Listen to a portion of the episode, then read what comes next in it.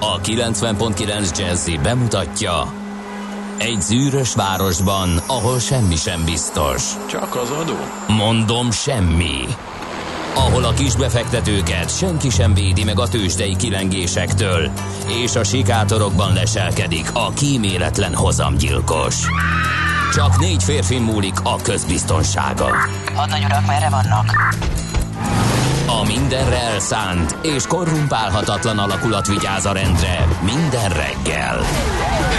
Ezek az állati nyomozók? Négy férfi egyeset és egy nyalóka. Ács Gábor, Gede Balázs, Kántor Endre és Mihálovics András. Az íróasztal mögül pedig Profit kapitány diktálja a tempót. Humor, emberi sorsok, közönséges bűnözők és pénz, pénz, pénz. Egy különleges ügyosztály. A Gazdasági Muppet Show minden hétköznap reggel a 90.9 Jazzin. De is figyelj, ne csak a bárányok hallgassanak. De miért? Ha nincs pénzed azért, ha megvan, akkor pedig azért. Millás reggeli.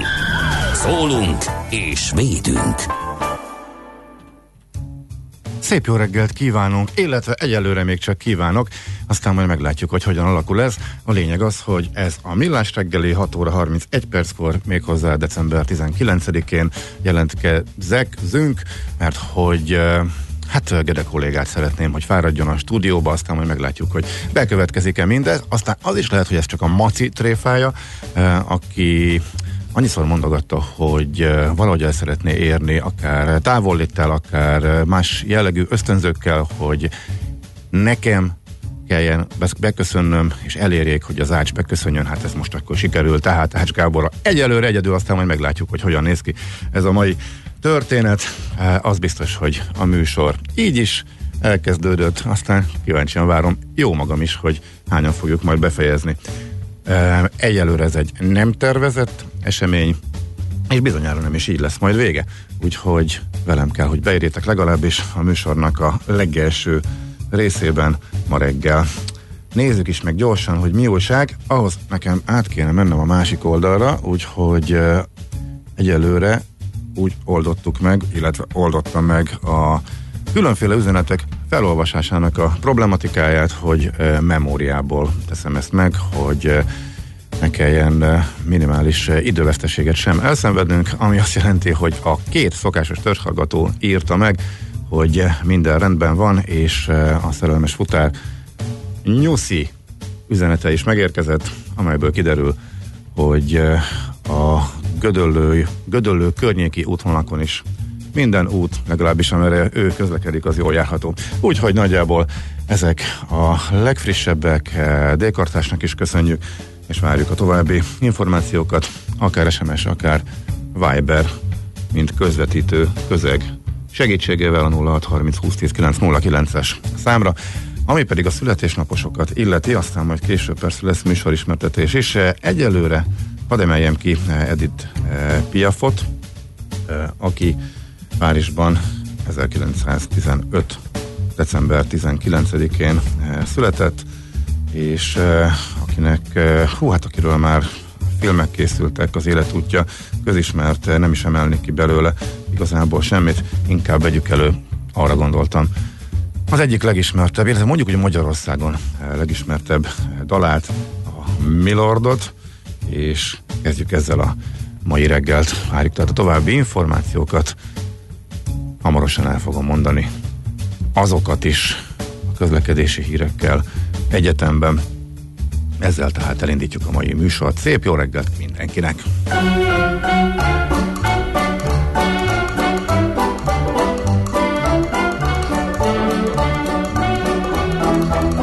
Allez, venez, Milord, vous asseoir à ma table. Il fait si froid dehors.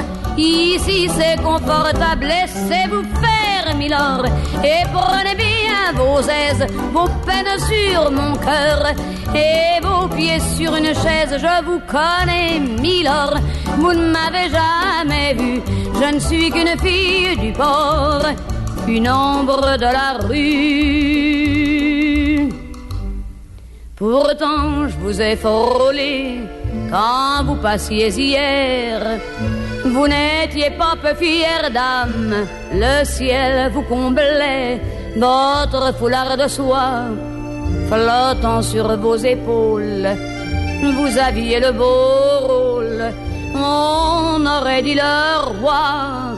Vous marchiez en vainqueur au bras d'une demoiselle. Mon Dieu, qu'elle était belle. J'en ai froid dans le cœur. Allez, venez, Milord, vous asseoir à ma table. Il fait si froid dehors. Ici c'est confortable. Laissez-vous faire, Milord, et prenez bien vos aises, vos peines sur mon cœur et vos pieds sur une chaise. Je vous connais, Milord, vous ne m'avez jamais vu. Je ne suis qu'une fille du port, une ombre de la rue. Dire qu'il suffit parfois qu'il y ait un navire pour que tout se déchire quand le navire s'en va.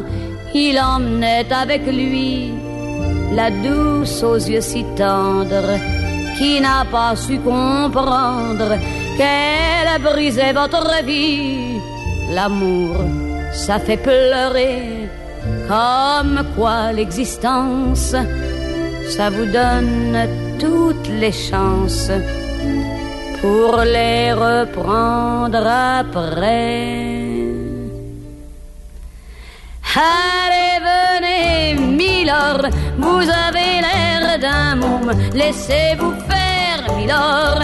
Venez dans mon royaume, je soigne les remords, je chante la romance, je chante les Milord qui n'ont pas eu de chance. Regardez-moi, Milord, vous ne m'avez jamais vu. Mais vous pleurez, Milord, ça je l'aurais jamais cru.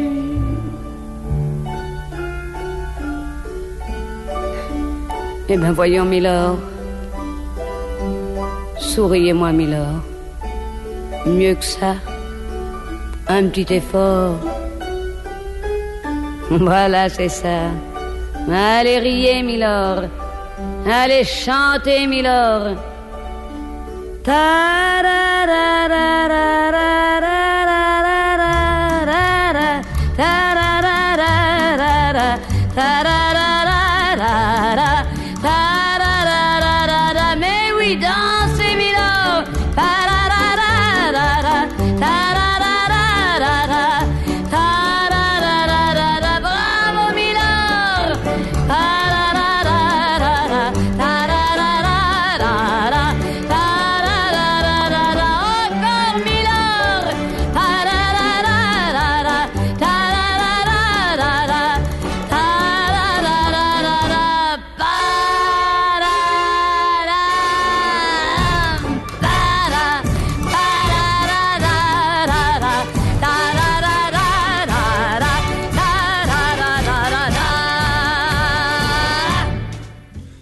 Ez továbbra is a Millás reggeli szép jó reggelt kívánunk, illetve egyelőre kívánok. Nagyon szépen köszönöm a biztató szavakat a hallgatónak, mindenek előtt eh, Fergábornak, aki azt írja, hogy a Gede biztos szúnyogot kerget, eh, tegnap is eh, ez volt a baja, illetve apropó műsorrend, eh, új évig melyik napokon lesztek, érkezett egy ilyen kérdés is. A szokásos napokon, ami azt jelenti, hogy most, már most már nincsenek szombati munkanapok, amit mi jól ellóghatunk, úgyhogy ami munkanap, azokon mi leszünk tehát holnap, aztán hétfőn, aztán ez a hatnapos hétvége, ez minket is érint, az mindenkinek van, ugyebár a jövő héten a munkanap áthelyezések, a múlt héten ledolgozott, meg az azt megelőzően ledolgozott szombatok jó voltából, úgy is néz ki, hogy csak hétfőn lesz műsor, majd pedig a következő héten hétfőn és kedden, ami azt jelenti, hogy 31-én is itt leszünk, tehát a szilveszteri műsor, amikor hát nem mondanám, hogy a legjobb pillanatai a műsornak, mert hogy inkább a legviccesebb, leg, hát igen, kis ilyen baki parádéba hajló dolog, az ezúttal sem hagyjuk ki. Kántor kollega már jelezte, hogy elkezdte a gyűjtést, hogy az is legyen benne, és még egy meglepetésre szolgálhatunk, csak az a helyzet, ezt nem tudom, hogy ezt a meglepetést, ezt most nekem szánta meglepetésnek, vagy pedig publikus információként mondta el, hogy ki lesz a vendégünk a szilveszteri műsorban, úgyhogy ezt most így még nem merem elmondani. Ezt egyeztetnem kell a kommunikációs tábbal, azaz edével.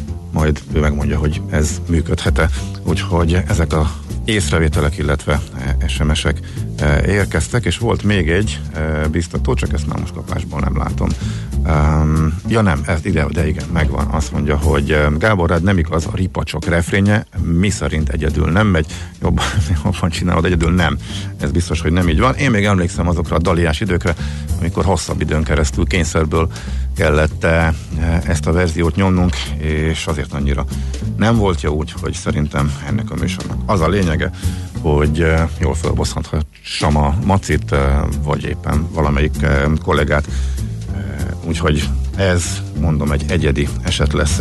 Meg szeretném kérni az időjárás felelős, hogy még azt a kis párás réteget az fújja el innen, legyen már legalább még egy jó napunk.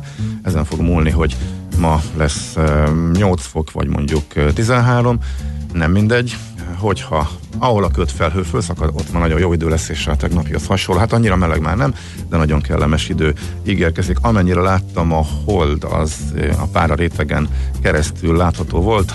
Amikor indultam, remélhetőleg ez, ahol fölszakad a kötfelhőzet, illetve hogy is mondják ezt nagyon szakszerűen, ahol nem fog megemelkedni a kötfelhőzet és válik rétegfelhőzeté, ez akkor mondjuk Budapest környéken és mondjuk az egész vételkötetünkben a mai napon működni fog. És akkor lesz egy utolsó jó napunk, mielőtt megindul majd a hőmérséklet csökkenése, és nagyjából karácsony táján visszatérünk a megszokott kerékvágásba, ami a ködös mocskos dzsúvás időt jelenti, véletlenül sem a fehér karácsony, természetesen, hát arról már lemondtunk már nem is olyan régen legutóbb. Úgyhogy ennyit tehát az időjárásról. Közlekedési információ, nem, ja nem, hogy a, hm, igen, a D-kartást nem idéztem szó szerint, csak hogy minden rendben van, de azért ez egy kicsit más, mint amit ő szokott adni, mert az útvonala változott, ma Debrecen felé halad, és ebbe az irányba suhan a forgalom. Székes fővárosunk irányába, azért van, de hát ezt megszokhattuk, tehát Göd irányából, tehát ha vannak közlekedési infók, azokat is várom, hamarosan majd akkor a műsorismertetés is következik a lapok egy részébe is eh, bele tudtam nézni, hát illetve eh, tegnapi érdekességet is majd eh, lapszemle gyanán fogok a figyelmetekbe ajánlani mindjárt néhány pillanat múlva. Aztán Hát, még egy születésnapost kiemeltem volna, illetve hát ki is emelek, csak hogy zeneileg nem tudtam reagálni rá. Annyit gondolkodtam, hogy melyik dal legyen. Timár Péter, magyar filmrendező, 1950-es évjáratú és ezen a napon született, és hát nekem a moziklip, mint olyan, az egy nagy élmény, gyerekkori élmény, de olyannyira, hogy nem csak gyerekkori, hanem még ma is úgy évente, két évente egy-egy hirtelen ötlettel vezérelve végignézem. Hogyha valaki nem látta volna, tudtam, ha ez az egyetlen olyan magyar film, nevezhetjük egész estés filmnek, ami egy videóklip füzér gyűjtemény, és a 80-as évek közepének meghatározó zenészei, egyes egy, együttesei, szóló előadói, elég sokféle stílusból mellett ismeretlen kezdő, ma már mondhatjuk, hogy egy slágeres előadók is voltak benne, és nagyon jól, nekem a képi világban is nagyon jól össze volt rakva. És nagyon jó időnként eh, belepillantani és elővenni azokat a dalokat, eh, még időnként eh, CD-n is bepattintom. Hát igen, vagy most már inkább valamelyik streaming lejátszóból. De mindegy, lényeg az, hogy a sok jó dal között aztán elvesztem, és nem tudtam, hogy melyiket vegyem elő. Mindenesetre Timár Pétert nem csak emiatt hú, sokáig a a filmjeit is, eh, szerintem az aranyköpéssel is ezzel, erre fogunk uh, utalni. Igen, ezt Kántor kolléga említette. És hát tegnap még, amikor mindenki nek, aki még mindenki tudott beszélni a tegnap esti karácsonyi programon, akkor két kedves kollégám is említette, és a lelkemnek kötötte, hogy limált említsem meg, és nem csak említsem meg, hanem a zene szárnyán is. Én ezt mereven elutasítottam, de az említés az megvan 1958-as évjáratú a Kejegu zenekar egykori énekese, majd pedig szóló artista úgyhogy ő, tőle sem fogunk most semmit játszani, de Csányi Sándor magyar színművész, 1975 szintén a mai nap született, és uh, névnaposokat nem köszöntöttem. Viola, Violetta, hmm, Bonifác, Bónis, hmm, Nemere, Orbán, Pelágius, Oros, Tea, és még jó néhány név a naptárban, ők is ünnepelnek, őket is köszöntjük.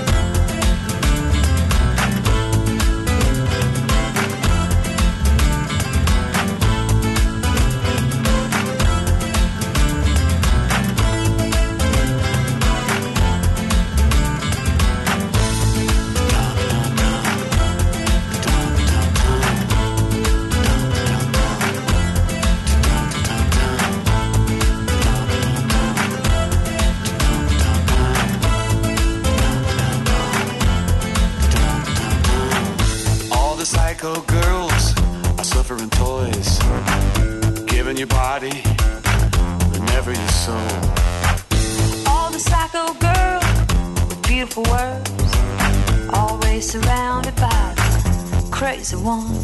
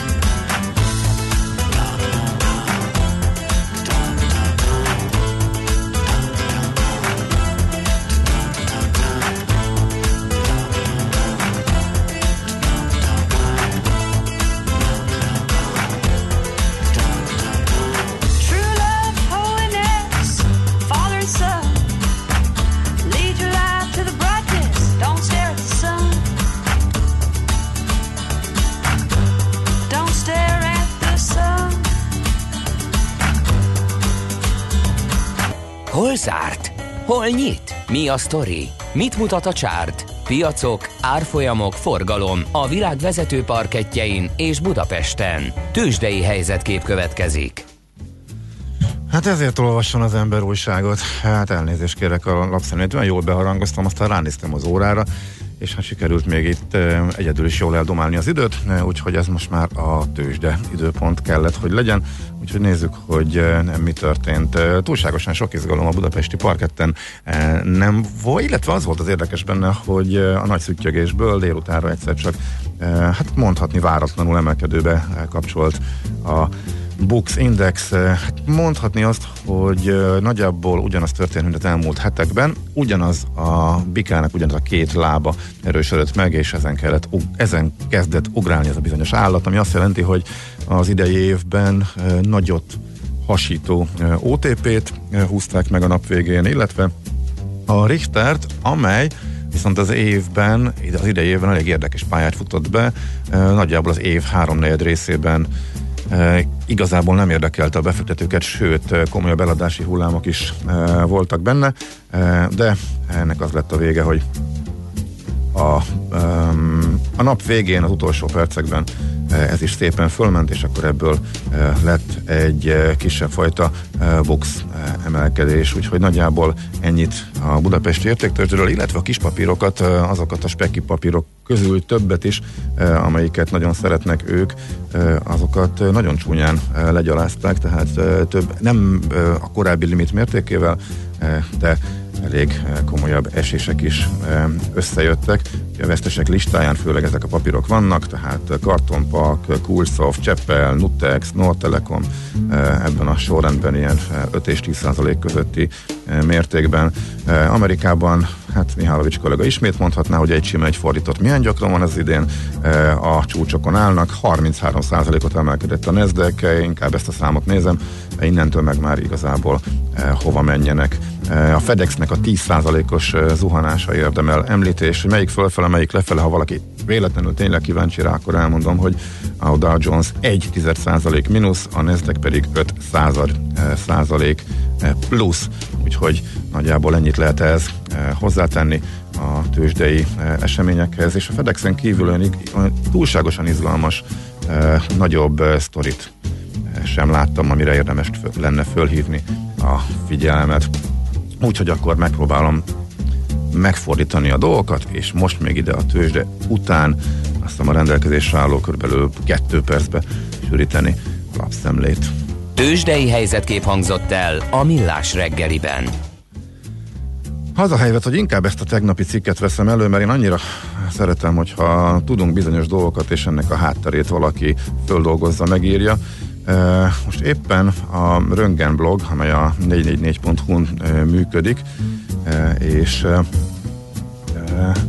Kunec Zsombor írja, aki maga is, maga is orvos, világította meg a hátterét annak, hogy a délpesti kórházban mérmodott föl majdnem az összes sebész, aki ügyeletre fogható, és tök érdekes, hogy itt azért sok minden összefügg, és nem csak arról van szó, hogy az egészségügyi rendszer az olyan, amilyen, hanem egész egyszerűen arról van szó, hogy az orvosok, már akik még maradtak, az iszonyatos túlterheltsége mellett azért ott van az is, hogy meg kell, hogy éljenek, és a korábbi rendszerben.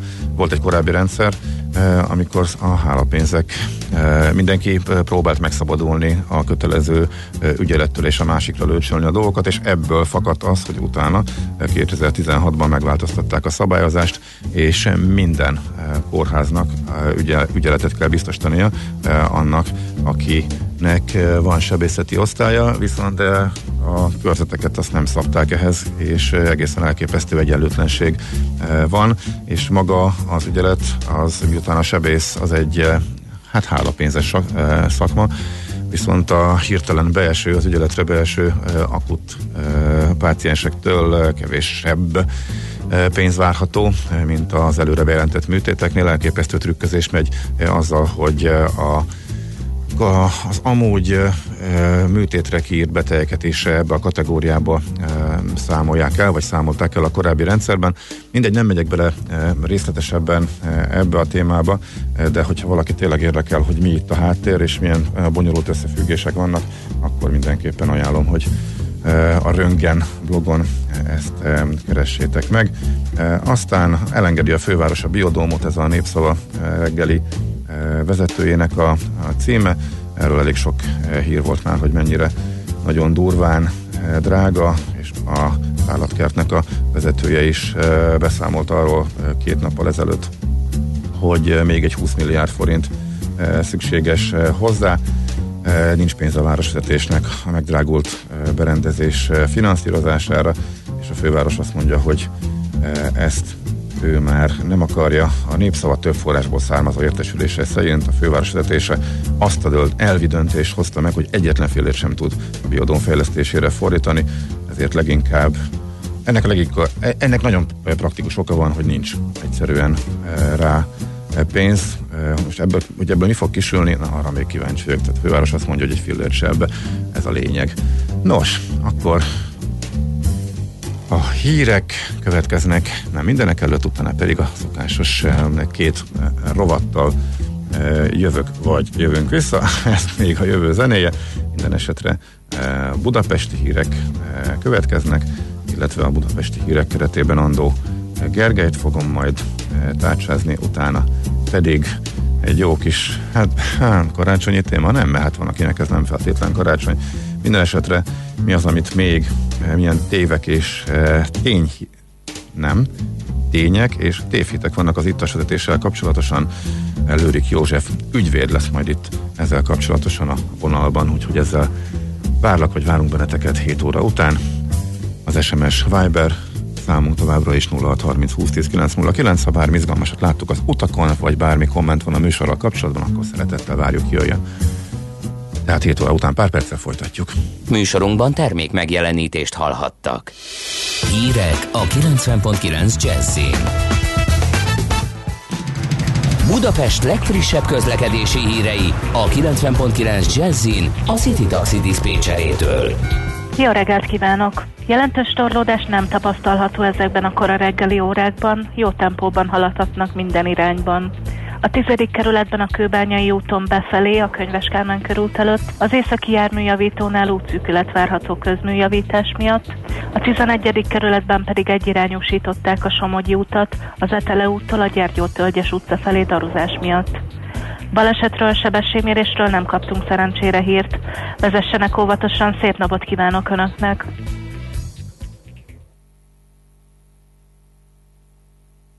A közmunkára szánt pénzből kapatek. Öngyilkosságot kísérelt meg börtöncellájában Portik Tamás. Felhős idő ígérkezik, délután 7-15 fokot mérhetünk. Köszöntöm a hallgatókat, László B. Katalin vagyok, következnek a részletek. Majdnem 5 milliárdot csatornáz át a kormány a közmunkásoktól a tekhez és a rendőrséghez. Az erről szóló kormányhatározat a magyar közlönyben jelent meg. A kormány indoklása szerint a lépésre különféle rendezvények rendészeti biztosítása miatt van szükség. A közmunkaprogram keretből az intézkedés értelmében a TEK 764 millió forintot, a rendőrség pedig 3,9 milliárdot kap meg. Így összesen 4,7 milliárd forintot irányítanak át az erőszakszervezetekhez. Azt az orvost küldték el a Margit kórházból, aki a sziámékrek szétválasztásánál fontos szerepet játszott. Hét sebész mondott fel az Óbudai Szent Margit kórházban, miután a főigazgató elbocsátotta Imre Domokos főorvost. Az ATV-nek megszólalt a kórházban dolgozó Csókai András professzor, aki elmondta, a bangladesi sziámi ikreket szétválasztó műtétnél olyan módszert használtak, amelyet éppen a Margit kórház most elbocsátott sebész főorvosa dolgozott ki. Kásler Miklós egyébként szerdán bejelentette, hogy vizsgálatot rendelt el a történtek miatt. A Magyar Nemzet szerint a felmondások miatt az intézmény sebészeti és ügyeleti rendje gyakorlatilag összeomlott, az akut ügyeletet lemondták, számos műtétet elhalasztottak.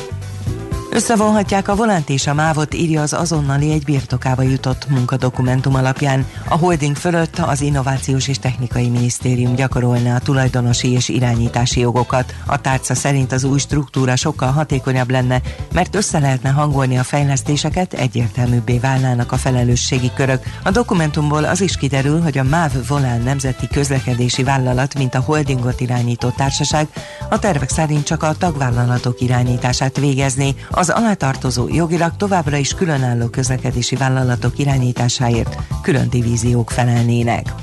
Lázár János szerint változásokra van szükség a Fideszben. Az előző Orbán kormány miniszterelnökségét vezető miniszter elismerte, hogy a Fidesz elveszítette az októberi választásokat. Véleménye szerint muszáj a fiatalok felé fordulnia azért is, mert a következő választásokon 500 ezer új szavazó adhatja majd le a voksát. Az országgyűlési képviselő egy rádióinterjúban kijelentette, nem történt tragédia Hódmezővásárhelyen azzal, hogy nem a Fidesz nyerte a helyhatósági választásokat, de október 13-án egy új korszak kezdődött. Öngyilkosságot kísérelt meg börtöncellájában Portik Tamás, akit a fenyőgyilkosság ügyében felbújtással vádolnak, tudta meg a Blik. A lapinformációi szerint a több emberöléssel is összefüggésbe hozott férfi két egymást követő napon is megpróbált végezni magával. Első alkalommal az ereit próbálta felvágni, másodszor pedig az orvosi ellátásakor kapott varratokat tépte le a kezéről. A bűnöző életét a fegyőrök ébersége mentette meg. Szükséghelyzetet hirdettek új délvelsz Ausztrál államban a bozott tüzek és a rendkívüli hőség miatt. Két hónap leforgása alatt most másodszor vezetnek be ilyen intézkedést a dél-kelet-ausztráliai államban, ahol jelenleg mintegy száz helyen ég a bozót, miközben a hőmérő higanyszála 40 Celsius fok fölé kúszott. A hatóságokat leginkább az állam fővárosa Sydney körül tomboló bozott tüzek terjedése aggasztja. Ausztrália keleti részében október közepe óta tombolnak bozót és erdőtüzek. Új délvezben mintegy 2,7 millió hektárnyi erdőterület éget le, több mint 700 lakóház, kórház, 2000 kormányzati és gazdasági építmény is megsemmisült. Az időjárásról tartósan borongós, nyírkos területek északon és a főváros környékén lehetnek, míg másút fátyol felhős időre számíthatunk, délután 7-15 fokot mérhetünk. A hírszerkesztőt László B. Katalint hallották hírek legközelebb fél óra múlva. A hírek után már is folytatódik a millás reggeli, itt a 90.9 jazz Következő műsorunkban termék megjelenítést hallhatnak.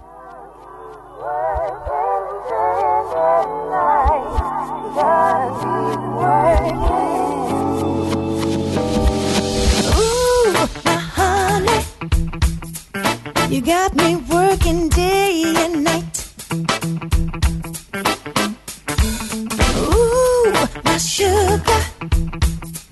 You got me working day and night. Scratch my shoulder. Take and make it feel alright. When this is over, loving you will be so right.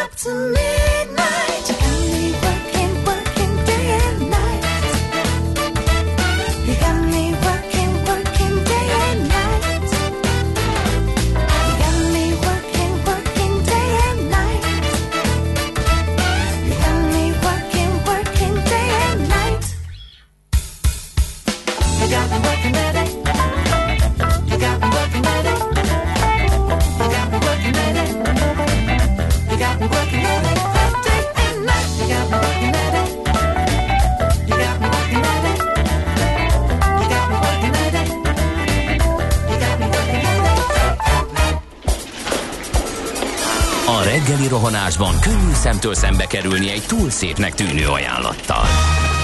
Az eredmény krétával körberajzolt tetemes összeg.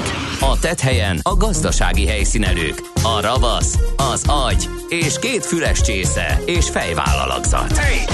A lehetetlen küldetés megfejteni a Fibonacci kódot. A jutalom egy bögre rossz kávé és egy olyan hozamgörbe, amilyet még Alonso Mózli sem látott. Millás reggeli, a 90.9 Jazzy Rádió gazdasági mapetsója. Vigyázat! Van rá engedélyünk!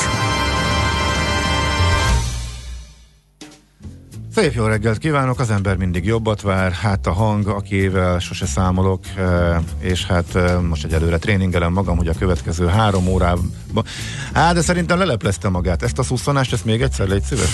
Hát szerintem mindenki kitalálta, nem lehet más, mint maga, a maci. Jó, jó reggelt kívánok. Hó, mit csinál? A gedét hova Épp hova megmentem a popidat, és Az- itt izé eceteskedsz nekem?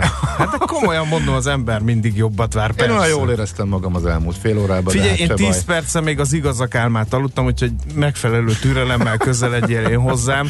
Jó, Na, oké. á, Nagyon jó szép- reggelt kívánok, drága hallgatóim. A helyettesítés bevállaltad, Igen, úgyhogy. uh, Gede kollega lenne, megpróbálom azt a hiátust, amelyet az ő nem jelenléte okozott a műsor testébe befoltozni a magam szerény manufakturális eszközeivel. Jaj, de régen használtad ezt a kifejezést, és örülök, hogy újra. 2019. december 19-e csütörtök. Ja, de ezt már te letudtad remélhetőleg. És egyben, Elkezd a névnaposokat van. Egyben- Nézd az órára. egyben Jó. nagy vágyam teljesült, Ács Gábor beköszönt végre önállóan, Tudtam, nagy fiúkhoz Tudtam, illően. hogy ez egy merénylet. Ugye én, már az, Dehogy én az elején is erre Nem, hivatkoztam. Összebeszéltetek. Volt egy kis összebeszéltetek. Pari, ha szabad így fogalmaznom. Limár lement? Megkértelek szépen. Limáról megemlékeztem a szavak de szintjén, nem, és hát- arról a nyomásról is, amit rám ö, helyeztetek, ö, de én ennek ellen tudtam állni. Most tudom, hogy azzal fogsz jönni, hogy ez a szívesség, amit most ö, kisegítettél, ö, mind hát- Gede kollégát, mind engem. nem, nem, ez- nem, nem akarok ezzel jönni. Én azzal szeretnék jönni, hogyha nem nyomtad le, akkor a Pusgerivel elénekeljük a Neverending Story-t most. Úristen, Ha, ez, tehát egy választhatol. Az a helyzet, hogy azért a hallgatottságot ennyire gyorsan Ennyire az zuhanó egekbe repülésbe azért nem, nem Igen. vinném, őszintén szólva. No, uh, veled mi volt, Gabikám? Hogy telt a karácsonyi parti? Feltűnően korán távoztál, ezért aztán halvány fogalmat sincs, hogy mi történt utána. Én távol tartom magam az ilyen... Igen. ö, hogy is mondom, az utózöngéktől. Tehát kell egy józan hang minden műsorban, és Igen. én úgy döntöttem, hogy én leszek az. Hát, És betetted a Psycho Girls-t és Psycho Boys-t, és erre én felébredtem, és mondtam, hogy na most akkor indulnom kell mindenképpen.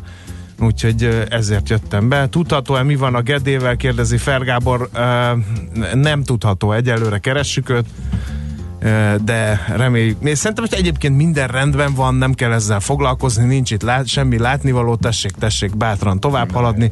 0 30 20 10 9 0 9 SMS, WhatsApp és Viber számunk is ez. A következő a helyzet. A Hűvösvölgyi úton már olyan élénk a forgalom, hogy én fogyó türelemmel jutottam el a rádióba, és ugyanez tapasztalható a Passaréti úton is. Egyébként megpróbáltam menekülni, de nem nagyon sikerült, főleg a Passaréti téri körforgalom fogja meg a város szíve felé közlekedőket. Ugye, ugye, amikor 7 órakor is ennyire friss és saját kézből, saját tapasztalatból származó információkat szolgáltathatunk. Igen. De van a Budapesten vannak nagyobb ízű elképzelések és projektek, és ezekről új információk is csöpögtek, hallgassuk meg róla a szakértőnket. Budapest, Budapest, te csodás! Hírek, információk, érdekességek, események Budapestről és környékéről.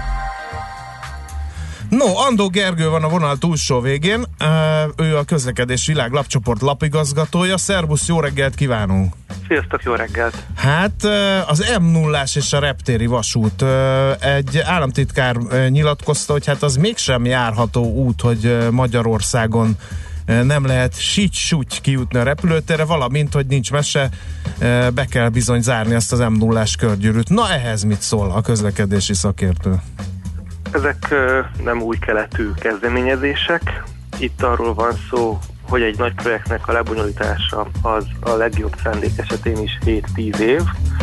Ez a két projekt ehhez képest is különböző fázisban van. Sajnálatos módon az elmúlt évtizedekben az m 0 kapcsán nem sikerült sem politikai, sem szakmai konszenzusra jutni a nyomvonalról, hogy mégis merre és hogyan kéne azt bezárni.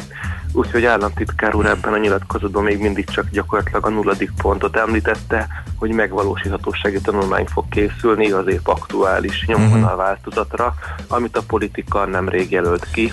Ez gyakorlatilag a várostól messzire vinni el a bezárást a Esztergom irányába. Ez merre mennek konkrétan? Ott Most Ugye ott jön le, hogy a Megyeri hídről Esztergomhoz lejön, és igen.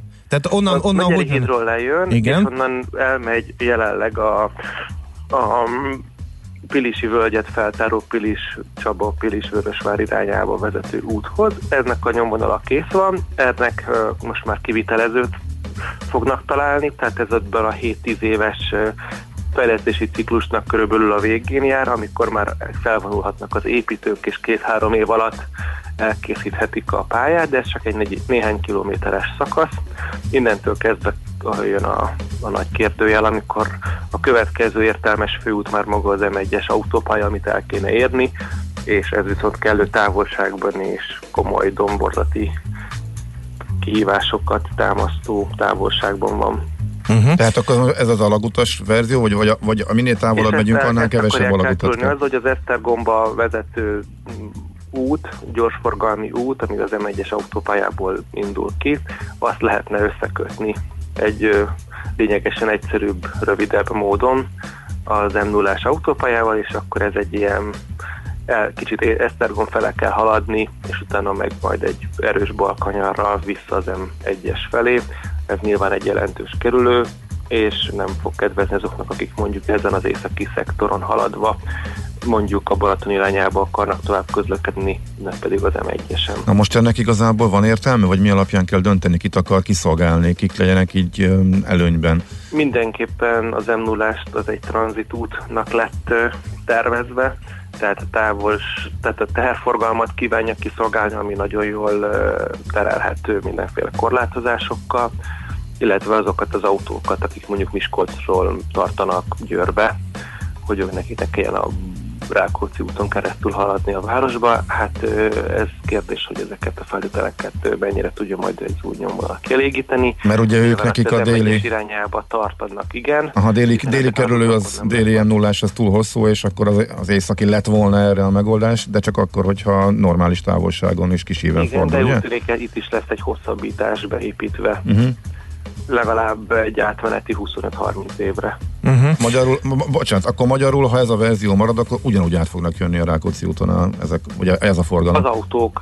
Igen, Mhm. viszont a teherforgalomnak így, így is rövidebb lesz, mert hiszen a hegyes halmi irány az, ami a, az erősebb, Mhm. tehát ott, ott az M3-as M1-es közötti kapcsolat az nem a déli útvonalon fog akkor bonyolódni, hanem az északin. Ott ezzel egy kicsi kapacitás felszabadul, de ezért hát Mhm. se lesz senki megmentve. Tehát nem véletlenül hangzott el mindig, és ebben az interjúban is, hogy szükség lenne egy még délebbi elkerülőre az m 0 kiváltására, tehermentesítésére. Csak az nagyon drága, mert sok ami az gyakorlatilag ott Győ- Győrtől Székesfehérvár, Ja, az? Székesfehérvártól meg a Dunát lőnébe. Uh-huh. Miért nem csinálják?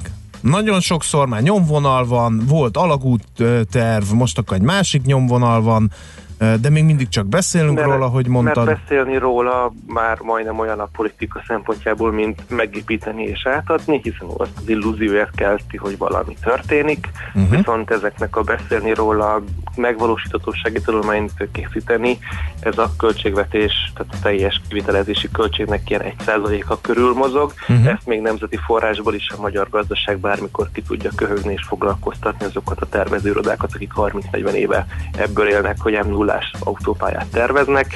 Ez gyakorlatilag két komplet mérnök generáció teljes életműve, amennyi alatt ez a m 0 elkészül. De megvalósítani azért ez egy lényegesen nehezebb dolog, főleg úgy, hogy a jelenlegi építési kapacitásokat azért lekötik azok a gyorsforgalmi utak, amik tényleg készülnek, ez pedig ugye a vidéki városok bekötése a gyorsforgalmi hálózatba, ez lényegesen magasabb prioritást kapott, mint a budapesti kör bezárása, tekintettel arra, hogy annak a, járó, annak a haszna az nem érhető össze politikailag azzal, hogy Eger, Salgó, Tarján vagy Békés Csaba végre kétszer kétsávos úton elérhető. Uh-huh. Ugyanez a beszélünk róla nagyon sokszor, nagyon sokat a, a hogyan jussunk ki minél előbb a repülőtérre kérdéskör.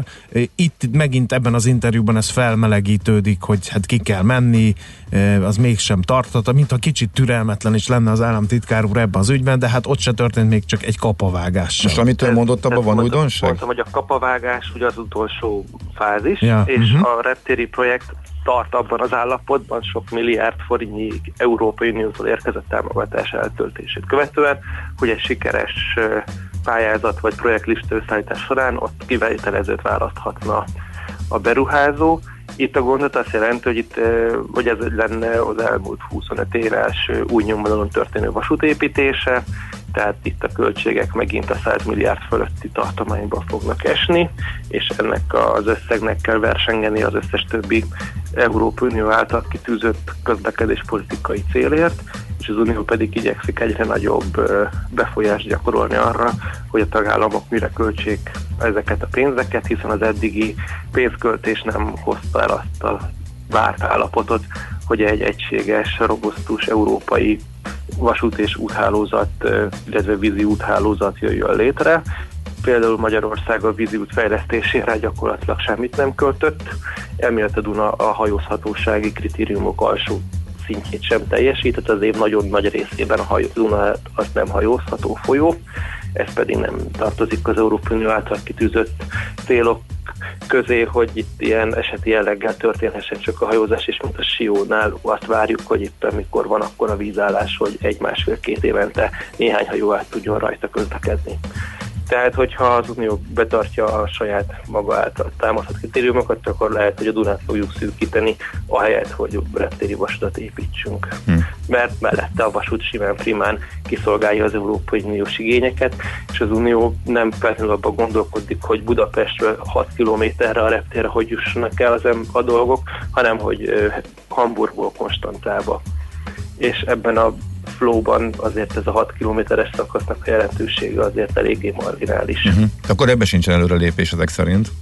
Hát az előrelépés azért nincs, és más ügyekben is azért nincs, hiszen nincsen az Európai Uniónak január 1-től érvényes költségvetése, uh-huh. a jelenlegi Jó, akkor ugyanaz, mint ugye december 31-én Igen. lejár, és itt még vagy egy Brexit, amit most tuti egyesre vesz mindenki, aminek megint csak vannak következményei a pénzügyi tervezésre, és ezek után történhetnek meg azok a kiírások, amire a magyar állam beadhatja a pályázatát. Tehát itt másfél évig az Unió nincs abban a helyzetben politikailag, hogy engedélyt adjon ezen források elköltésére, ami nem egy nagy baj, hiszen mi még 2023-ban is uniós pénzekből építkezünk. Ebből a, ennek a ciklusnak a terére, tehát itt mindig van egy ilyen két éves elcsúszás. Ez így be van építve a rendszerbe. Tehát a kivitelezések zajlanak azokban a projektekben, amik már megvannak, újakat nem tudnak indítani, mert már az összes forrás le van kötve, és akkor most várjuk a, az új kiírásokat, és ebben a kiírás sorba fog a reptéri vasút küzdeni a megkezdett beruházások befejezésével. Jó. Hiszen ezek a vasúti projektek még nem érték el az ország határt, amik jelenleg folyamatban Aha. vannak. Oké, okay, Gergő, van még két téma, csak uh, amit nem tudunk kikerülni, és kíváncsian vagyunk, várjuk, hogy mit gondolsz róla. Uh, ezeket csak nagyon röviden légy szíves uh, uh-huh. kommentál nekünk. Az egyik ez a az államtitkár is beszél az interjúban, de hát ig- igazából értelmes magyarázatot nem ad, és a második mondatban elkanyarodik a kérdéstől, hogy miért kellett tönkrevágni ezt a szegedi vasúti közlekedést? Azért, hogy két gyorsabb vonatot berakunk, ezért nagyon sok embernek meg sokkal lassabb lett a közlekedés, meg az összes többi vonatot lassabbra kellett venni, ugye, mert hogy egy vágányú a pálya, és csak így lehetett a Kerüléseket megoldani. Miért? A közszolgáltatás is egy politikai megrendelés, általában a politika óckodik olyan döntések hozatalától, ami megosztó, vagy nem szolgálja a, a, köz- a közösség kisebb vagy nagyobb csoportjainak érdekeit. Na, de ez olyan Jelen volt. esetben olyan valaki ebből a három érintett emberből, aki egy ilyen hordai döntést meg tud hozni, előtt az államtitkár, miniszter, miniszterelnök, tehát ebben a hármasban valamelyikük tudott egy olyan erős döntést hozni, amit a többiek sem kérdőjeleztek meg, ez pedig eh, gyakorlatilag azt a koncepciót tartalmaz, és ez az interjú, az ominózus interjúban is vég, végre leírásra került, hogy a vasút feladata a nagyvárosok közötti gyors, kvázi megállás nélküli kapcsolat, tehát hogy Budapestről Bécs, Pécs, meg Szeged első körben a lehető leggyorsabban elérhető legyen. Ez egyébként illeszkedik ez az elképzelés az európai trendekhez, ugye, ahol nagysebességű vonatokkal kötik össze ezeket a városokat, és Na de ez nem az. hogy hogy ezeken a helyeken megálljon. Ennek a magyar nyelvre fordított változata az, hogy a jelenlegi infrastruktúrán, ahol az engedélyezett a képítési sebesség felével, kétharmadával lehet egyes szakaszokon csak közlekedni, a megállások számának csökkentésével kezeljük ezt a dolgot. Ez Budapest és Pécs között gyakorlatilag konfliktusmentesen sikerült, ott is csökkent a megállások száma, jelentős menetidő megtakarítást hozott, ott a politika elfogadta azt, hogy útközben azért pár helyen mégis megáll a vonat.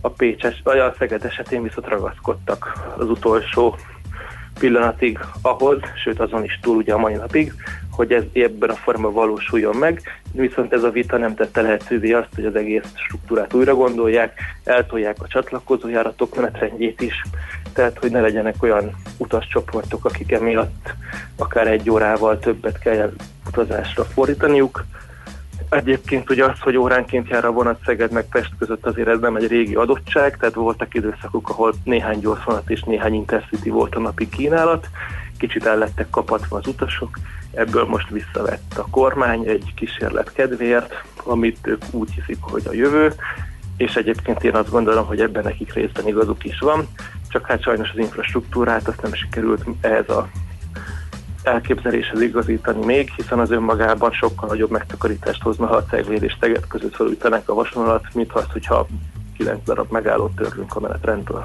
Uh-huh. Na jó, oké. Okay. Tehát egy kecske káposzta megoldás uh-huh. Lesz nyilván itt is az, ami előbb-utóbb középtávon megvalósul, addig pedig ezt a kellemetlenséget az utazó közönség hmm. egy részének le kell nyelni. Figyelj, túlbeszéltük, viszont meg kell, hogy kérdezem, és tényleg egy percben, aztán majd visszatérünk rá. Meséltük, hogy mekkora vita van, hogy melyik híd épüljön meg. Ugye a Galvani Albert falvai híd a főpolgármester tanácsadói között is, meg a külső szakértők között is. Szerinted? Hát én azt gondolom, hogy előbb kellett volna kezelni a annak a kérdését, hogy mit tervezünk a fővárosi autóforgalommal, hiszen olyan demográfiai változások zajlanak le, és olyan kiköltözési hullám, ami szintén autóztatott inspirál, hogy először azt kéne eldöntenünk, hogy milyen eszközökkel, hogyan, miképp akarjuk a forgalmat kiszorítani, viszont egy ez a projekt megint arról szól, hogy hogyan fogjuk ezt a egyre növekvő forgalmat kiszolgálni. Ettől sem parkolóhely nem lesz több, sem a dugók nem tudnak értemben csökkenni a város számos pontján, tehát itt én azt gondolom, hogy bármelyik valósul is meg a két elképzelés között, ez mindenképpen többletforgalmat fog generálni, és nem pedig azt a célt, hogy valódi tehermentesítés jöjjön létre. Tehát én nem hiszek abban, hogy bármelyik változat is valósul meg, mondjuk attól a Hungárián gyorsabb lesz a haladás autóval. Uh-huh. Na jó, erre még majd visszatérünk akkor később, jó részletesebben. Mindegy, hogy ki és hol mit épít, olyan kapacitás hiányok vannak, főleg ezen a délpesti részen nem lehet átlósan utazni a Hungáriától délre, hogy itt mindenképpen rá fognak ugrani bárhol bárki bármit épít, erre vannak ezek a remek optimalizáló applikációk, ki fogják számítani, hogy arra éri meg menni, akkor is, ha délebre van, akkor is, ha északabbra van. Ez az egy-két kilométer távolság, vagy néhány kilométer távolság nem osztoroz egy autóval való közlekedés során. Tömegközlekedési szempontból nyilván osztana szorozna, de eddig is bőven ellaktak a budapesti lakosok anélkül, hogy Délpest és Dél-Buda között minőségi gyors kapcsolat uh-huh. lett volna. Jó, oké, oké. Még akkor merült fel jó pár kérdés, de erre majd később visszatérünk, jó? Köszönjük szépen, szép napot, jó munkát! Szia, szia! Andó Gergővel beszélgetett Ács Gábor, Andó Gergő a közlekedés világ lapcsoport lapigazgatója volt, Ács Gábor pedig a Millás reggeli műsorvezetője. Nekünk a Gellért hegy a Himalája. A Millás reggeli fővárossal és környékével foglalkozó robata hangzott el. Bathe me in milk and honey, baby.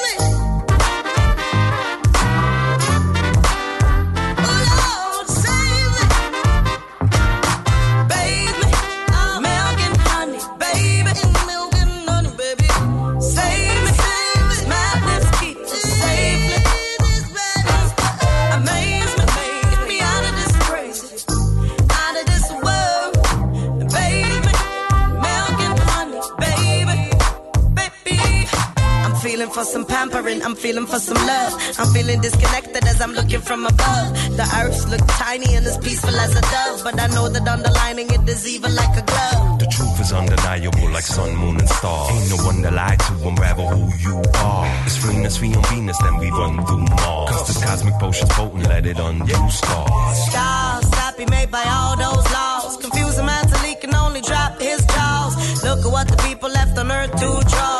Picture painted perfect, but it got mad flaws. Galactically attracted, now your soul is doing backflips. Your core has been detected, filling all your precious exits. The measure is elastic, grab the treasure, that fantastic hitting pleasure. When you grasp it, baby, try on every last fit. I grasp it, every last bit.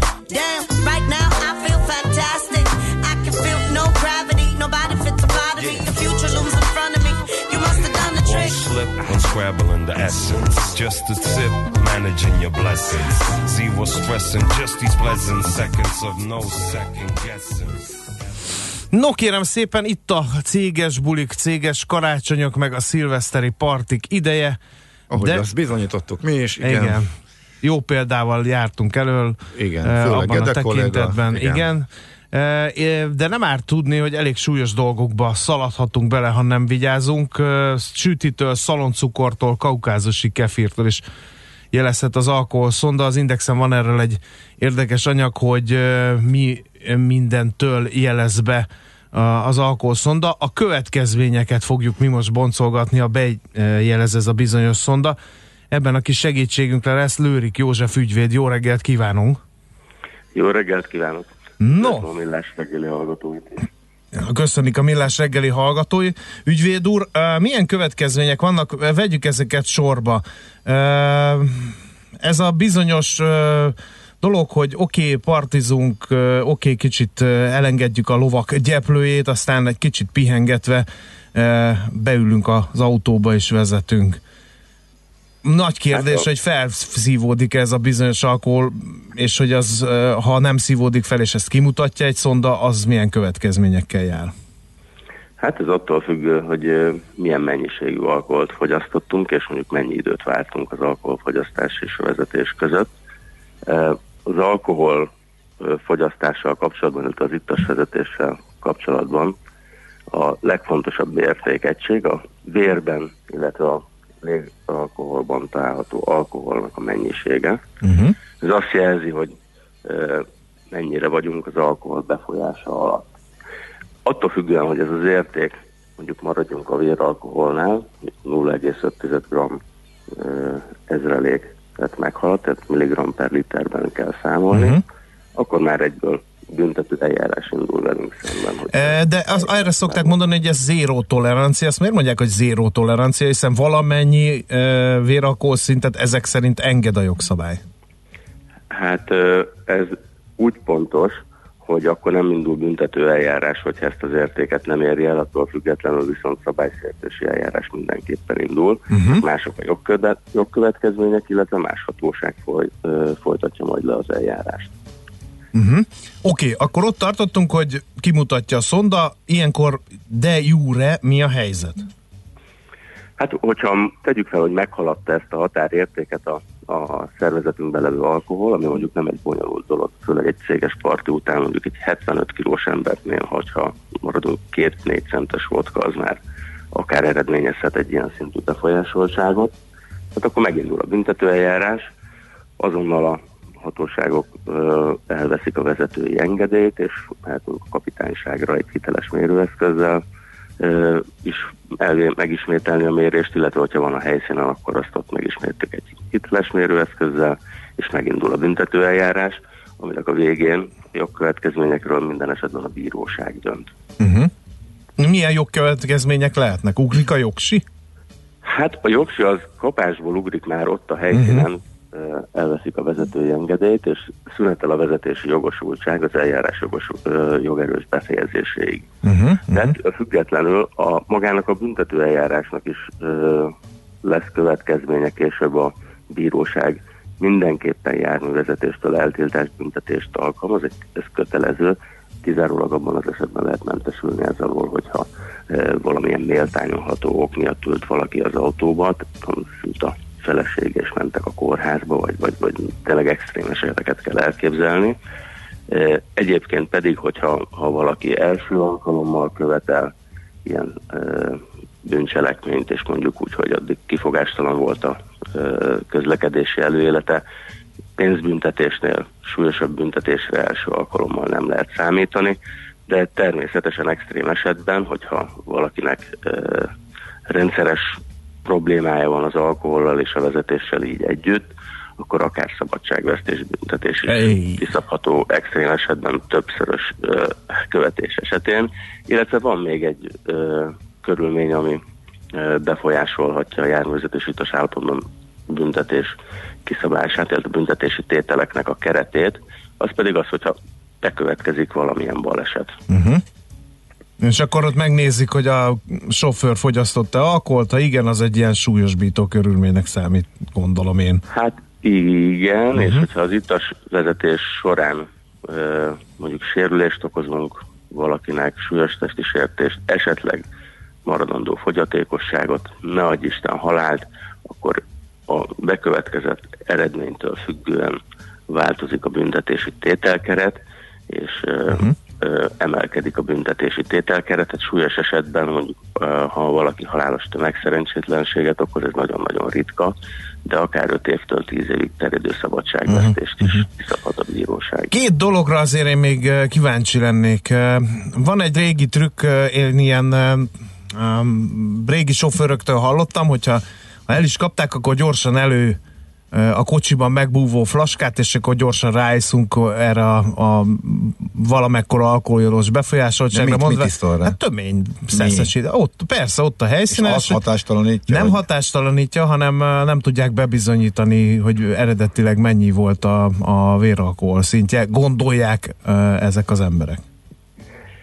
Hát ez egy meglehetősen kockázatos malottartás, így rögtön a rendőri intézkedés alatt, de ha mondjuk mégis valakinél éppen van, és éppen magához tud venni valamekkora alkoholt, azért a szakértői módszerekkel már nagyon sok mindent lehet igazolni, és a szervezetben levő alkoholnak a mennyisége, illetve annak a változása, az időbeni változása, mert hogy ezeket a méréseket megismétlik, az egy ö, elég sok következtetési alapot szolgáltat egy szakértőnek, és akár a, a, abból adódóan, hogy emelkedőben vagy csökkenőben van a szervezetben levő alkohol, például a visszaszámolás segítségével ö, könnyen lehet, hogy egészen pontosan meg lehet határozni a, azt a ö, befolyásoltsági fokot, ami a vezető szervezetében ezt a, az alkoholfogyasztást Igen. leszámítva Hát tényleg volt egy ilyen urbánus legenda, hogy rávillogtak a rendőrök, tudta jól a delikvens, hogy ittas, index beállt a parkolóba, meghúzta a butykost, biztos úr, ide jöttem. Tehát ez a Nagyon módszer, ritka ez az, nem... Hogy, nagyon ritka az, hogy egy ilyen módszerrel mondjuk úgy mentesülni, vagy lehet a felelősségre vonás alól, illetve érdemben lehet csökkenteni a, a, a büntetést, nagyon kockázatos. Uh-huh.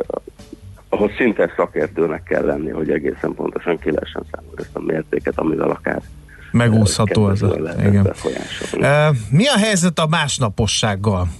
E, vége a bulinak, hazamegy az ember, alszik egy pár órát, de hát ugye másnap munkanap van, nem áll meg az élet a karácsonyi vagy a szilveszteri buli után, beülök az autóba, és ha Meddig tart, igen, meddig Igen. mutatja ki, és tényleg Nyilván ez is ilyen személy téves- függő, hogy ha sok milyen a testsúlyod, hogy bírod, ö, vagy hogy bírja a szervezetet feldolgozni. Igen? Nagyon sok minden befolyásolja a, a ö, szervezetben levő alkoholnak a lebontását, az éppen aktuális ö, fizikai állapotunk, ö, a fogyasztott étel, az eltelt idő, meg egyébként is a, a májunknak a, a, az alkohollebontási képessége. Hát, ha például valaki nagyon sok alkoholt, vagy azt szegény alkoholistáknál például gyorsabb a lebontás, de ez egyénileg nagyon nagy eltéréseket mutat. Minden esetre, ha valaki alkoholt fogyasztott, különösen, hogyha nagyobb mennyiségű alkoholt fogyasztott, akkor, akkor lehetőség szerint várjon legalább 12 órát azzal, hogy eh, járműbe üljön, mert van egy jelenség, amit posztalkoholos állapotnak hívnak, gyakorlatilag a másnapossághoz nagyon közeli ö, állapot, és a, a tünetei is hasonlóak. Tehát fölkelünk, még nem feltétlenül tudjuk megállapítani magunkról, hogy egyébként a szervezetünkből már minden alkohol kiürült-e vagy sem. Sajnos nagyon sok ügyfelünk ö, futott bele abba a helyzetbe, hogy ő meg volt győződve róla, hogy kicsit még kótyagos, másnapos, de úgy vélte, hogy az alkohol már nem található meg a szervezetében.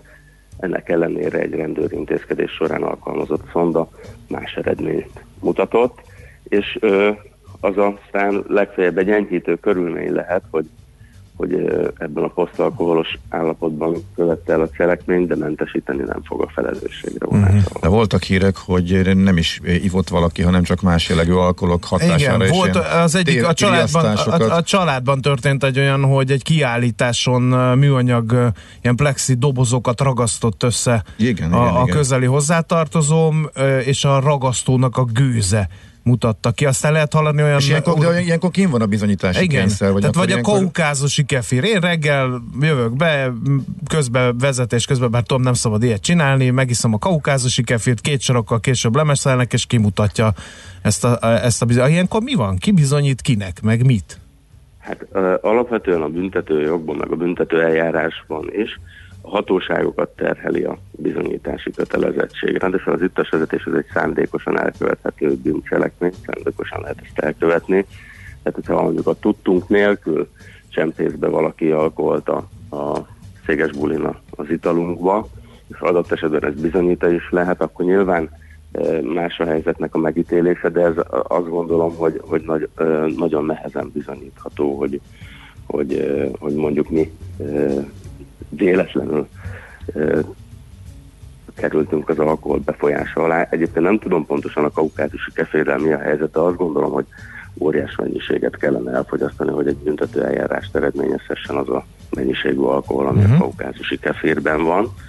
De lényeg az, hogy ha a szonda kimutatja, akkor nincs appelláta, azt igazából nem lehet nagyon És tök mindegy, hogy mit Tehát mutat a... ki, ragasztót, kaukázusi kefírt vagy feles vodkát. Hát, hogyha a, a, a, a büntető törvénykönyvben az ittas állapotot egészen pontosan meghatározza a jogalkotó, és ez szerint pedig azt, az, az az ember, az a személy van ittas állapotban, akinek a szervezetében 0,5 g per liter véralkohol, illetve 0,25 század mg per liter levegőalkohol koncentrációnál nagyobb érték előidézésére alkalmas szeszes ital fogyasztásából származó alkohol van. Uh-huh, uh-huh. De szép. Tehát itt a szeszes ital is uh-huh. fontos.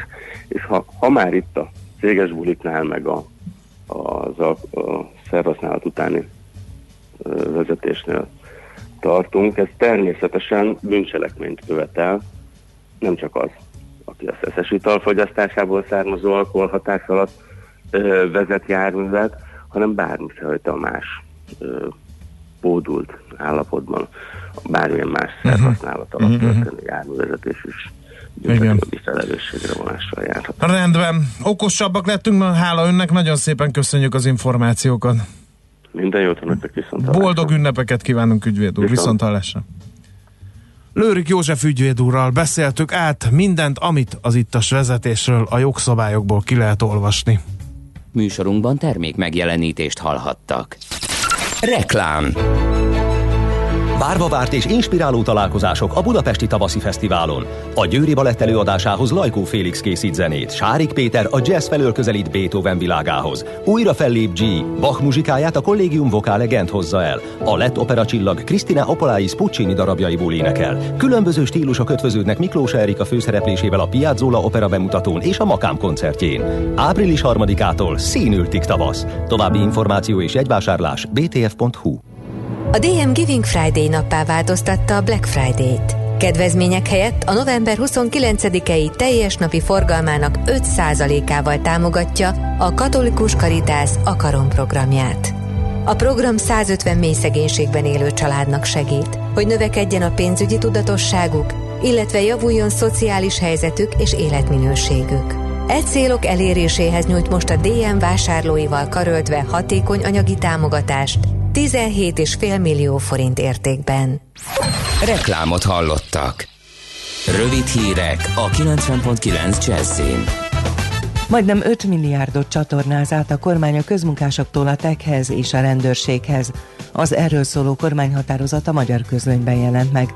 A kormány indoklása szerint a lépésre különféle rendezvények rendészeti biztosítása miatt van szükség. A közmunkaprogram keretből az intézkedés értelmében a TEG 764 millió forintot, a rendőrség pedig 3,9 milliárdot kap meg. Így összesen 4,7 milliárd forintot irányítanak át az erőszakszervezetekhez. Azt az orvost küldték el a Margit kórházból, aki a sziámékrek szétválasztásánál fontos szerepet játszott. Hét sebész mondott fel az Óbudai Szent Margit kórházban, miután a főigazgató elbocsátotta Imre Domokos főorvost. Az ATV-nek megszólalt a kórházban dolgozó Csókai András professzor, aki elmondta, a bangladesi sziámi ikreket szétválasztó műtétnél olyan módszert használtak, amelyet éppen a Margit kórház most elbocsátott sebész főorvosa dolgozott ki. Kásler Miklós egyébként szerdán bejelentette, hogy vizsgálatot rendelt el a történtek miatt. A Magyar Nemzet szerint a felmondások miatt az intézmény sebészeti és ügyeleti rendje gyakorlatilag összeomlott. Az akut ügyeletet lemondták, számos műtétet elhalasztottak. Öngyilkosságot kísérelt meg börtöncellájában Portik Tamás, akit a fenyőgyilkosság ügyében felbújtással vádolnak, tudta meg a Blik. A lap információi szerint a több emberöléssel is összefüggésbe hozott férfi két egymást követő napon is megpróbált végezni magával, Első alkalommal az ereit próbálta felvágni, másodszor pedig az orvosi ellátásakor kapott varratokat tépte le a kezéről. A bűnöző életét a fegyőrök ébersége mentette meg.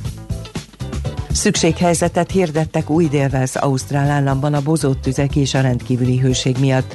Két hónap leforgása alatt most másodszor vezetnek be ilyen intézkedést a dél-kelet-ausztráliai államban, ahol jelenleg mintegy száz helyen ég a bozót, miközben a hőmérő higanyszála 40 Celsius fok fölé kúszott. A hatóságokat leginkább az állam fővárosa Sydney körül tomboló bozott tüzek terjedése aggasztja. Ausztrália keleti részében október közepe óta tombolnak bozót és erdőtüzek. Új délvezben mintegy 2,7 millió hektárnyi erdőterület éget le. Több mint 700 lakóház, kórház, 2000 kormányzati és gazdasági építmény is megsemmisült. Az időjárásról tartósan borongós, nyírkos területek északon és a főváros környékén lehetnek, míg másút fátyol felhős időre számíthatunk, délután 7-15 fokot mérhetünk. A hírszerkesztőt László B. Katalint hallották hírek legközelebb fél óra múlva. Budapest legfrissebb közlekedési hírei, itt a 90.9 jazz jó reggelt kívánok! Lezárták a félútpályát a Budakeszi úton a város határ közelében aszfaltozás miatt. A váltakozó irányú áthaladást jelzőlámpa szabályozza, emiatt a környéken lassulást tapasztalhatnak mindkét irányban.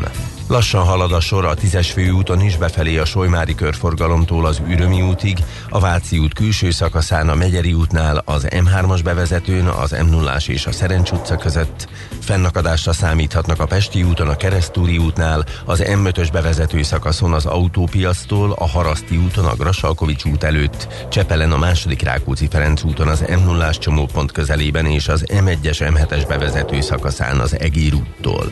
Lezárták a hetedik kerületben Ebben a Nagy Diófa utcát, a Dohány utca és a Veselényi utca között építkezés miatt várhatóan 18 óráig, azt követően a Veselényi utcánál ismét útszűkületen kell majd áthajtani.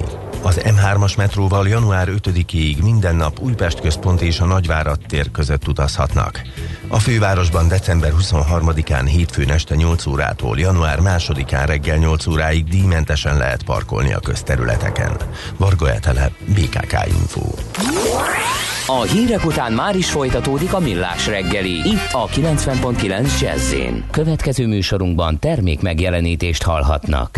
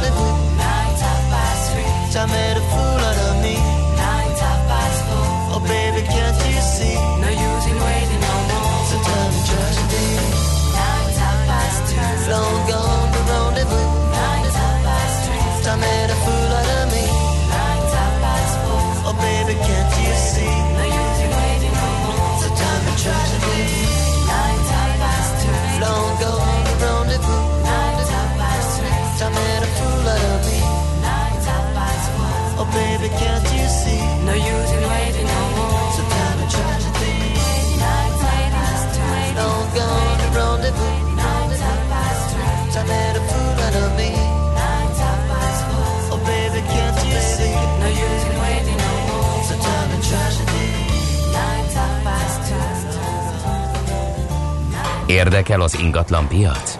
Befektetni szeretnél? Irodát vagy lakást keresel? Építkezel, felújítasz? Vagy energetikai megoldások érdekelnek? Nem tudod még, hogy mindezt miből finanszírozd? Mi segítünk! Hallgassd a négyzetmétert, a millás reggeli ingatlan rovatát. Ingatlan ügyek rálátással.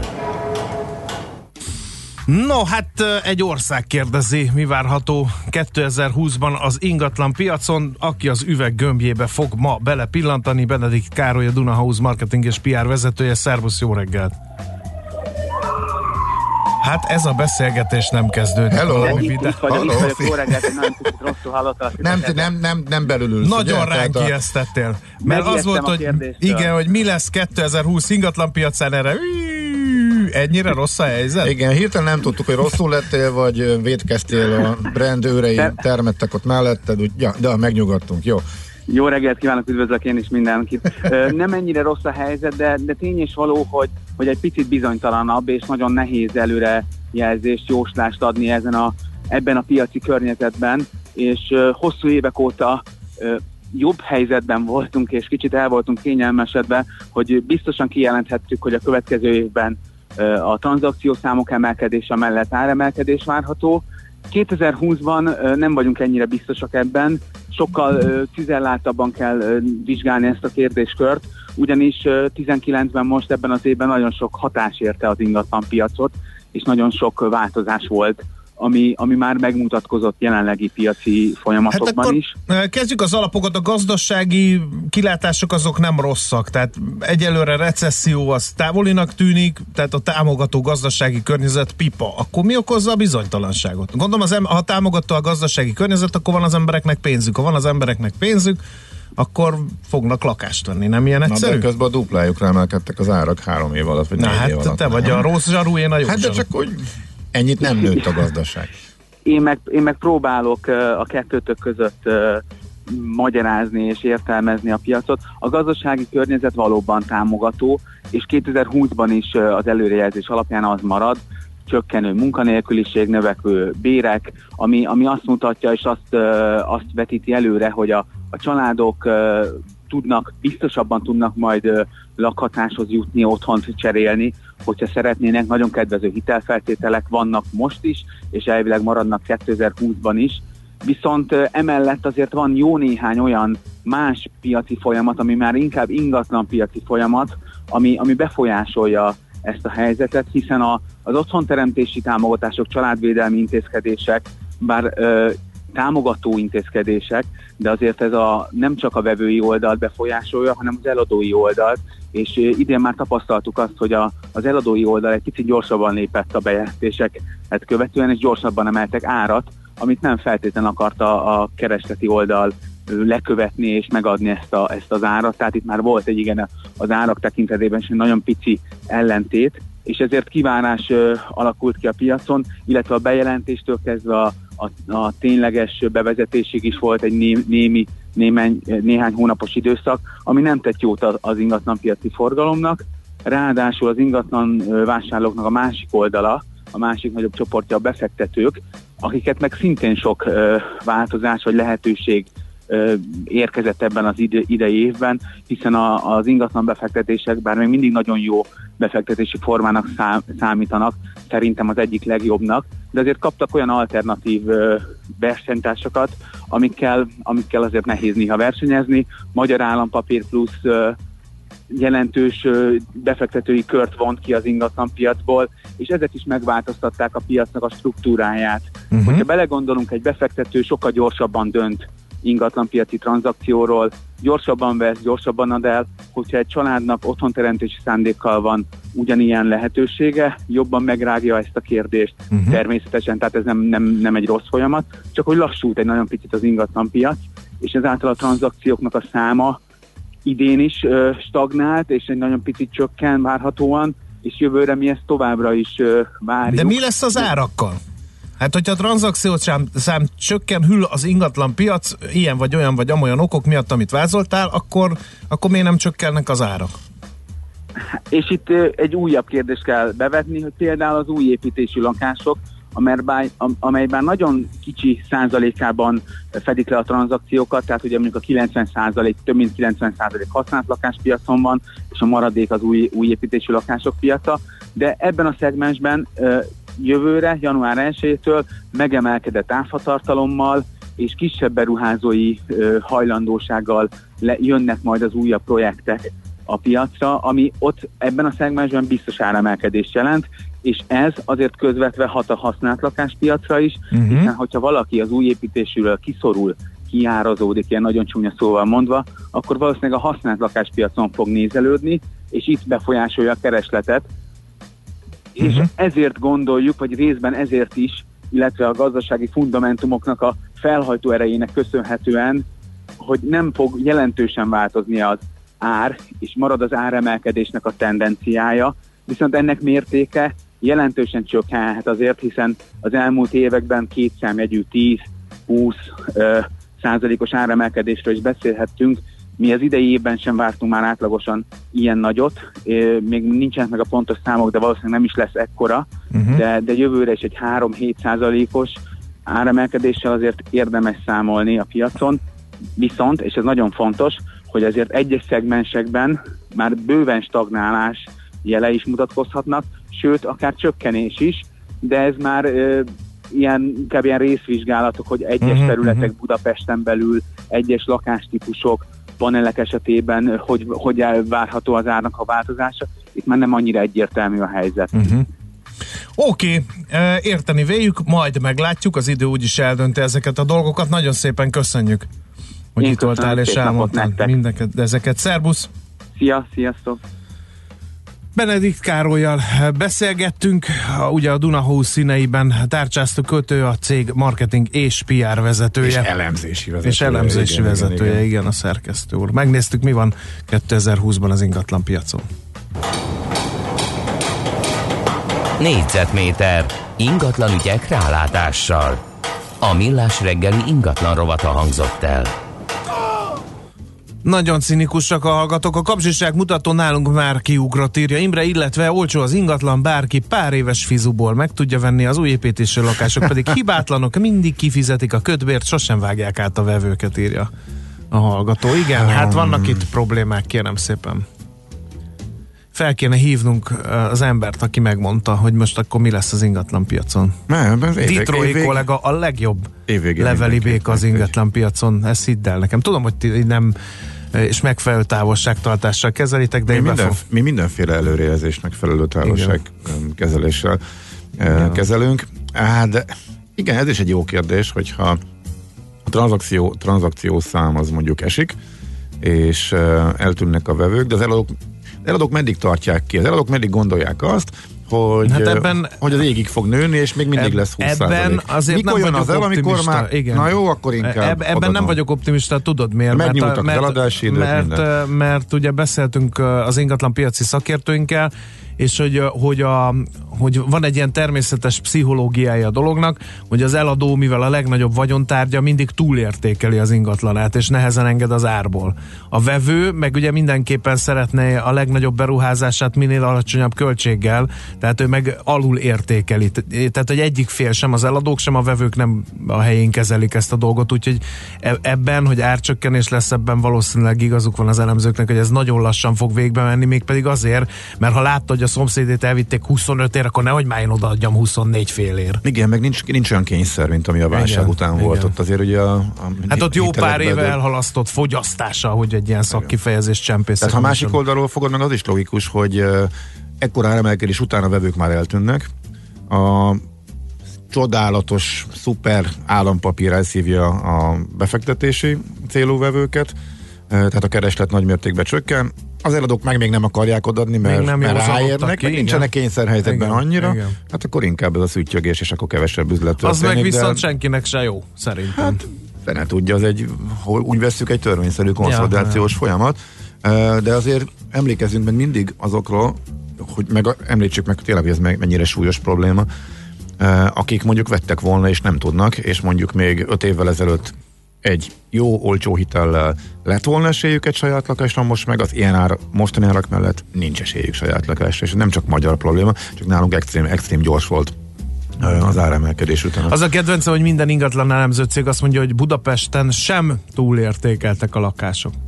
Ja, nekem az a kedvenc dumám, Mihez hogy... képest, könyörgöm? Nekem az a kedvenc dumám, hogy nemzetközi A összevetésben... képest? Nemzetközi összevetésben Igen, nem, túl- nem túlságosan magasak. Csak hogy a Csak a nemzetközi, csak, csak a a- nemzetközi összevetésben, meg a fizetések. igen, csak hogy a bőven meg... átlag fölötti Igen. fizetéssel rendelkező Igen. magyarok sem tudják megvenni. De hogy már akkor jönnek a külföldiek. Hát én nem látom, hogy olyan nagy tömegekbe jönnének már a külföldiek. Na érdekes lesz ez a lakáspiac, ingatlan Igen. piac, az biztos. No, csónakázzunk tovább, László B. Kati hírei jönnek, aztán pedig jön az ember, aki imára szólítja híveit, Várkonyi Gábor ingatlan piac után autópiaci eh, szakértelmet fog, fog pumpálni hallójáratainkba. A célkeresztben én a egy- Peugeot és a Fiat Én erős egyesülése. kettős mércét érzek. Tehát a Várkony, ő, ő, ő, ők, az ő rajongói nem szektások, csak De. a fapados rajongók a De szekta- bizony. Na azért. Akiket Így, a dízel füstje megcsapott. így már értem.